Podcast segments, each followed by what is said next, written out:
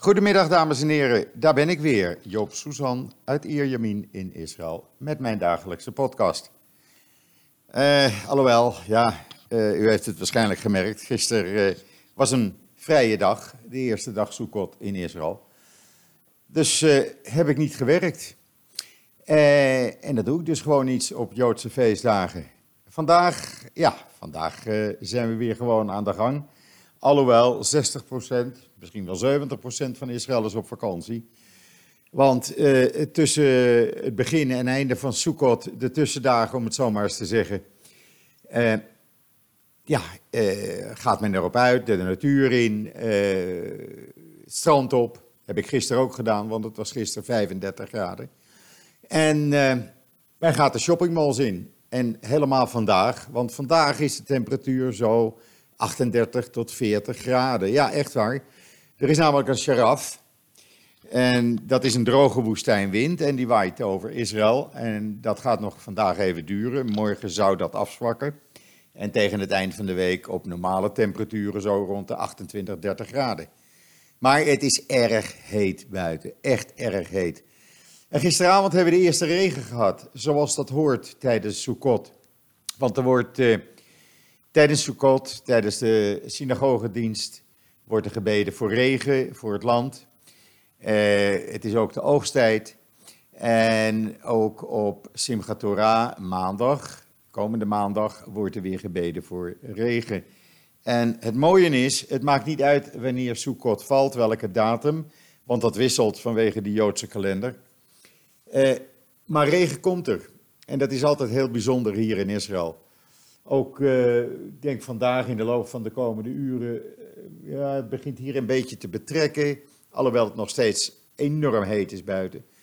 Uh, dus er zal nog wel wat regen komen. En dat is dan regen met een heleboel zand. Want mijn auto, ja, die begon al lekker geel te zien in plaats van wit.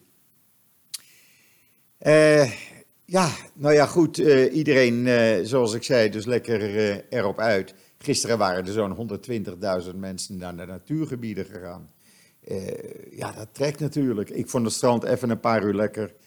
Uh, het zeewater is nog 28 graden, dus uh, ja, je hoeft niet bang te zijn dat het koud is. Het koelt lekker af. En voor de rest lekker gisteren een beetje geluierd. En zondagavond hadden we een Sukkot-diner diner bij een van de kinderen. was ook gezellig met zijn Iraanse schoonfamilie. En dan hoor je ook dat uh, Farsi praten onderling. Ja, is toch wel heel speciaal. En dan in Israël. Uh, ja, het belangrijkste nieuws is natuurlijk, als u joods.nl volgt, dan uh, ziet u dat wij dat bijhouden. Nama Issachar, de 26-jarige Israëlische, die 7,5 jaar gevangenisstraf in Rusland vrijdag heeft gekregen.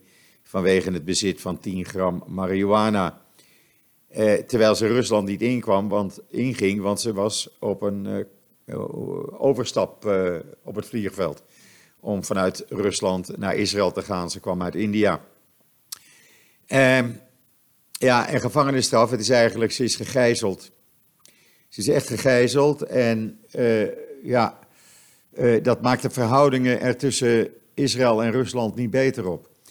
Inmiddels heeft uh, de woordvoerder van Poetin gisteren laten weten dat hij, eh, zodra er een officieel bezoek, verzoek via de officiële kanalen, diplomatieke kanalen komt, hij zou overwegen, Poetin, om te bekijken of hij Nama uh, gratie zou willen verlenen.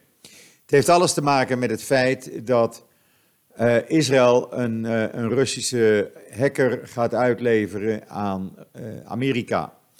Dat wil Rusland niet, die willen die hacker terug. Als hij dan zo onschuldig is zoals hij zegt, waarom willen ze hem dan terug? Zou je je kunnen afvragen.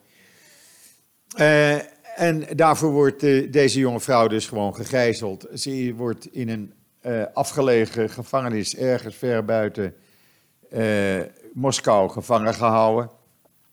Haar proces heeft plaatsgevonden op Rosh Hashanah en notabene op Yom Kippur, de herderste dag in de Joodse kalender. Uh, en nu wordt er ook in Israël gezegd tegen mensen die uh, via Rusland willen reizen: bedenk je twee keer, want je loopt, loopt het risico dat je gegijzeld wordt door de Russen. Uh, inmiddels heeft eh, de moeder van Nama Jaffa Issachar haar dochter gisteren mogen bezoeken. Dat, dat duurde even voordat ze toestemming kreeg. Zij heeft daar dagen op moeten wachten. En zij heeft bij zich een brief die ze aan haar dochter wil geven.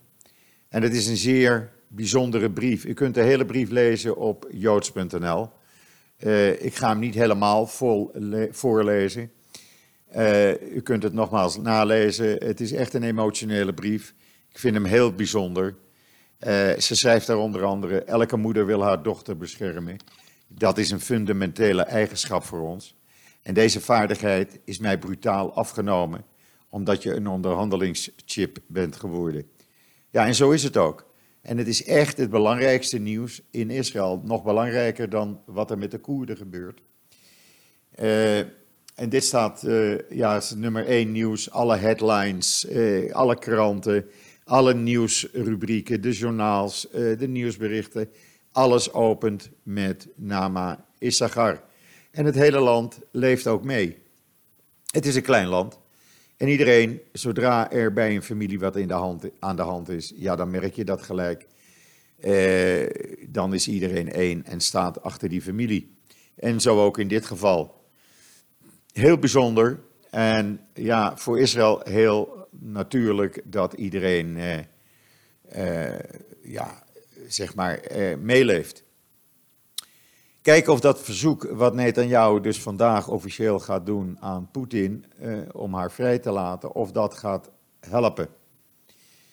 Uh, moeten het maar afwachten. Netanyahu beroept zich er altijd op dat hij zo goed bevriend is met Vladimir Poetin. Nou, we zullen nu zien hoe goed die vriendschap is. Ik ben bang dat het eenzelfde soort vriendschap is met Trump, die inmiddels ook al bekoeld is door ja, dat Israël zich nu realiseert, Trump laat de Koerden zomaar vallen. Dat zou hij zo ook met ons kunnen doen. Uh, intussen wacht uh, diezelfde Netanyahu, je kunt dat ook lezen op joods.nl, die wacht nog even met zijn mandaat teruggeven. Iedereen weet dat het hem niet gaat lukken een regering bij elkaar te sprokkelen. Hij heeft tot de 24 oktober de tijd.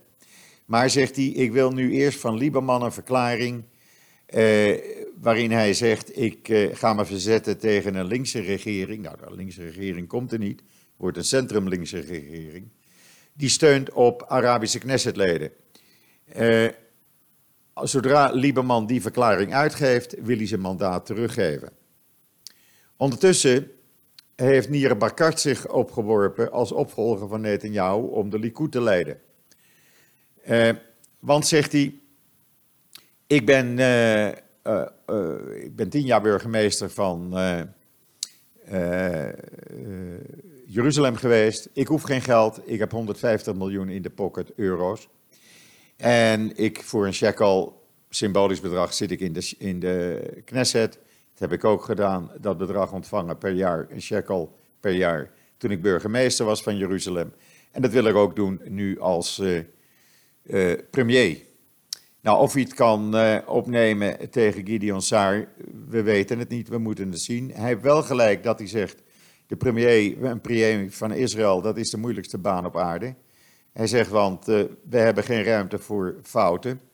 Een ernstige fout van een Israëlische premier, zegt Barkat, kan leiden tot een echte catastrofe.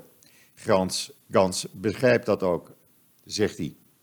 Hij vindt het wel juist dat Netanyahu eerst uh, een rotatie premierschap zou doen. Daar kan Gans een beetje leren, want Gans, ja, zit ook wel weer, weer wat in. Maar goed, eh, dat zegt hij ook uit eigen belang. Gans heeft geen ervaring op diplomatiek gebied. Nee, maar het is wel een goede manager. Ondertussen heeft uh, Bennett zich ook, uh, zit hij er ook zich uh, mee te bemoeien. Want die zegt, laat and White, Benny Gans dus, met Lieberman en Netanyahu rond de tafel gaan zitten. Laten ze nou allemaal wat water bij de wijn doen. Dan, dan komen we er wel uit. hij vindt ook geen gebied moeten gaan annexeren. Hij zegt dat moeten we laten vallen. Links zou dan geen gebieden aan de Palestijnen moeten overdragen. En er zal geen pro-religieuze of anti-religieuze wetgeving moeten komen. Hij zegt, want we hebben al genoeg problemen op te lossen. En daar zit wat in. Daar geef ik Bennett ook gelijk in. We hebben de problemen natuurlijk met Iran, Hamas, Hezbollah. We hebben een budgettekort van 4% en stijgende. De toestand van de ziekenhuizen, eh, daar moet gauw iets aan gedaan worden. De wachttijden, er is een beddentekort. Dan hebben we de enorme files. Dan hebben we het onderwijs wat versterkt moet worden. Er liggen genoeg problemen. En Israël heeft geen regering sinds april. Uh, en dat is ook niet normaal natuurlijk. Uh, ja, we zullen het zien of, of dit allemaal gaat helpen, of dit allemaal uh, een doorslag kan geven. Het wordt in ieder geval tijd dat er een regering komt en als uh, het Netanyahu niet lukt. Nou, geef dat mandaat terug. jouw tijd is dan geweest, moet je maar denken. Tien jaar, twaalf jaar is genoeg geweest. En laat iemand anders het dan maar eens een keer proberen. Frisse, een frisse winter doorheen. En dan het Weizmann Instituut, u kunt het ook op joods.nl lezen, die heeft een simpele bloedtest gevonden om in een vroeg stadium longkanker te kunnen ontdekken. Longkanker is een van de meest dodelijke kankers. En zij hebben nu een eenvoudige bloedtest gevonden, die is gebaseerd op DNA-reparatiescores. Iedere patiënt, iedere mens heeft zo een reparatiescore in zijn DNA. En door die uh, al in een vroeg stadium uh, te ontdekken, dan weet je of iemand een beginstadium van longkanker heeft. Lagere scores namelijk vertalen zich in een verhoogd risico op longkanker. En er zijn proeven genomen waaruit dit al gebleken is. Je kunt het hele artikel op joods.nl lezen. En dan tienduizenden mensen hebben zondag gedemonstreerd in Duitsland tegen antisemitisme. Eh, alleen al in Berlijn waren er 10.000 bij elkaar die door Berlijn liepen. En in andere plaatsen, zoals Hamburg en Marburg, deden ook duizenden mensen eraan mee. Want vele Duitsers blijken in shock te zijn over de terreuraanval op de synagoge in Halle, eh, Yom Kippur, afgelopen woensdag. Daar werd een vrouw voor de shul doodgeschoten en een bezoeker van een kebab, kebabshop werd ook door deze terrorist doodgeschoten. De demonstranten hadden Israëlische vlaggen en spandoeken bij zich met slogans als geen nazi's en extreem rechtse terreur bedreigt onze samenleving. Allemaal dus te lezen op JoodsNL. En dan ook, ja, maar weer even op reis. Een artikel op joods.nl. Bent u in de buurt? Bent u in Israël? Zes plaatsen in uh, het noordwesten van de Galil. Het noorden van Israël dus. Dat is Rosa Nikra, waar je met de kabelbaan naar de grotten gaat. Dat is in Shlomi, aan de grens met Libanon, vlakbij Rosa Nikra. The Painted House. Dat is een huis van een overleden kunstenares, Ofra Zacharia.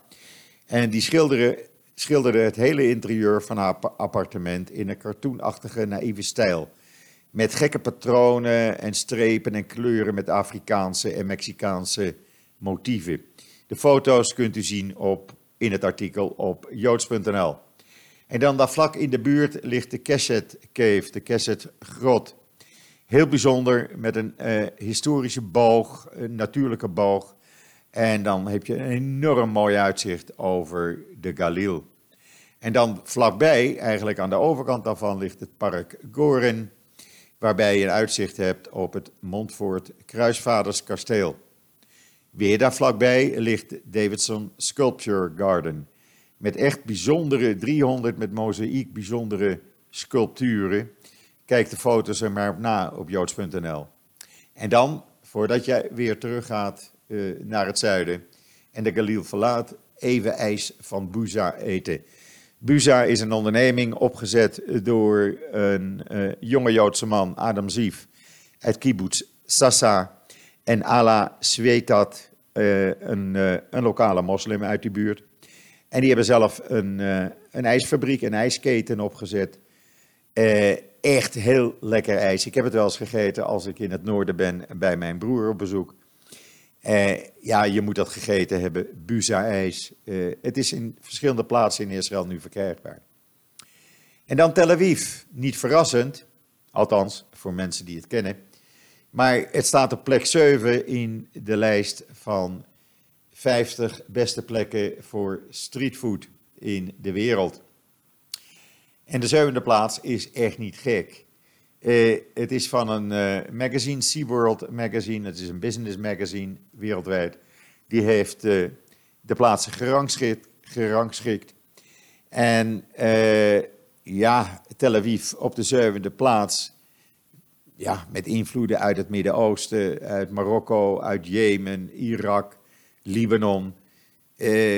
zelfs Europa is het niet vreemd, want je kan het, het lekkerste straatvoedsel, de lekkerste snacks gewoon bij tentjes langs de straat kopen. En dan heb ik het niet over falafel of shawarma. Maar ja, van alles en nog wat heerlijke uh, gepeperde en gekruide snacks. Ja, ik, uh, ik lust er nog wel eentje. Ik doe dat regelmatig, namelijk als ik in Tel Aviv ben, even een snackpikje en uh, op een bankje of op een stoeltje bij die snackstand opeten. En dan, ja, Netanyahu. Twee dagen voordat hij zijn mandaat uh, officieel moet inleveren, de 24e is dat, gaat hij op de 21ste en 22ste nog even naar Japan. Want dat is namelijk belangrijker dan het vormen van een regering in Israël, vindt hij. Nou, dat vinden wij dus niet. Maar goed, hij doet maar. En dan op Twitter kunt u lezen in mijn timeline. Uh, Els uh, van Diggelen, die jaren geleden ook in Israël uh, woonachtig was als correspondente. Die heeft een boek geschreven, De misleidingsindustrie. En dat komt eigenlijk erop neer, de eenzijdige berichtgeving van met name NOS, NRC en Volkskrant over Israël. Het is altijd anti-Israël. En zij vraagt zich af, waarom lezen we nooit Hamas gijzelt 2 miljoen Palestijnen in Gaza? Dat horen we niet. En uh, ja, mijn vraag is aan de NOS, de NRC en Volkskrant. Hebben jullie nog vragen? Zo heb ik het ook op Twitter gezegd. Want als jullie nog vragen hebben over die eenzijdige Israël-berichtgeving, koop dan even snel dat boek van Els van Diggelen met de titel De misleidingsindustrie. Je kunt het nalezen op mijn timeline. En dan blijkt nu ja, ik noem het twee dorpsveldwachters. Het waren twee uh, politieagenten uit een heel klein dorpje in Duitsland. Die de moordenaar, de terrorist van Halle, hebben opgepakt. En niet het gespecialiseerde SWAT-team wat achter hem aan zat. Want die bleken hem een half uur lang kwijt te zijn geweest. Die wisten dus niet waar ze moesten zoeken. En ondertussen hadden die twee dorpsveldwachters die moordenaar dus opgepakt. En dan een Palestijnse vrouw eh, is de eerste die vrachtautochauffeur is geworden in de Palestijnse gebieden. Nou, ik vind dat prachtig, ik vind dat prima. Ik heb zelf ook mijn vrachtwagenrijbewijs ooit gehaald in de jaren 80 in Nederland. En als zij dat uh, wil doen, waarom niet? Hier in Israël zijn er ook vrouwen, vrachtwagen en buschauffeur. Maar in, Palestina, oh, in de Palestijnse gebieden is niet iedereen daar erg blij mee. Ze vinden dat maar niks dat een vrouw zelfstandig is. Een vrouw moet onder de vuist van een man leven en niet een vrachtwagenchauffeur worden. Ja, wen er maar aan, zou ik zeggen. En dan om vier uur vanmiddag houden ex-IDF-officieren een demonstratie voor de Koerden bij de Turkse ambassade. En gaan van daaruit lopen naar de, nou pak een beet, anderhalf, twee kilometer verderop gelegen Amerikaanse ambassade. Noem ik het nog maar steeds in Tel Aviv. En ze doen dat omdat zij vinden dat wat er met de Koerden gebeurt, zou ook weer met de Joden kunnen gebeuren. En zij hebben er inmiddels bij Netanyahu op aangedrongen om meer betrokken te zijn. En Netanyahu houdt het alleen op humanitaire hulp. Maar zij vinden dat ook de IDF actief de Koerden zou moeten gaan helpen.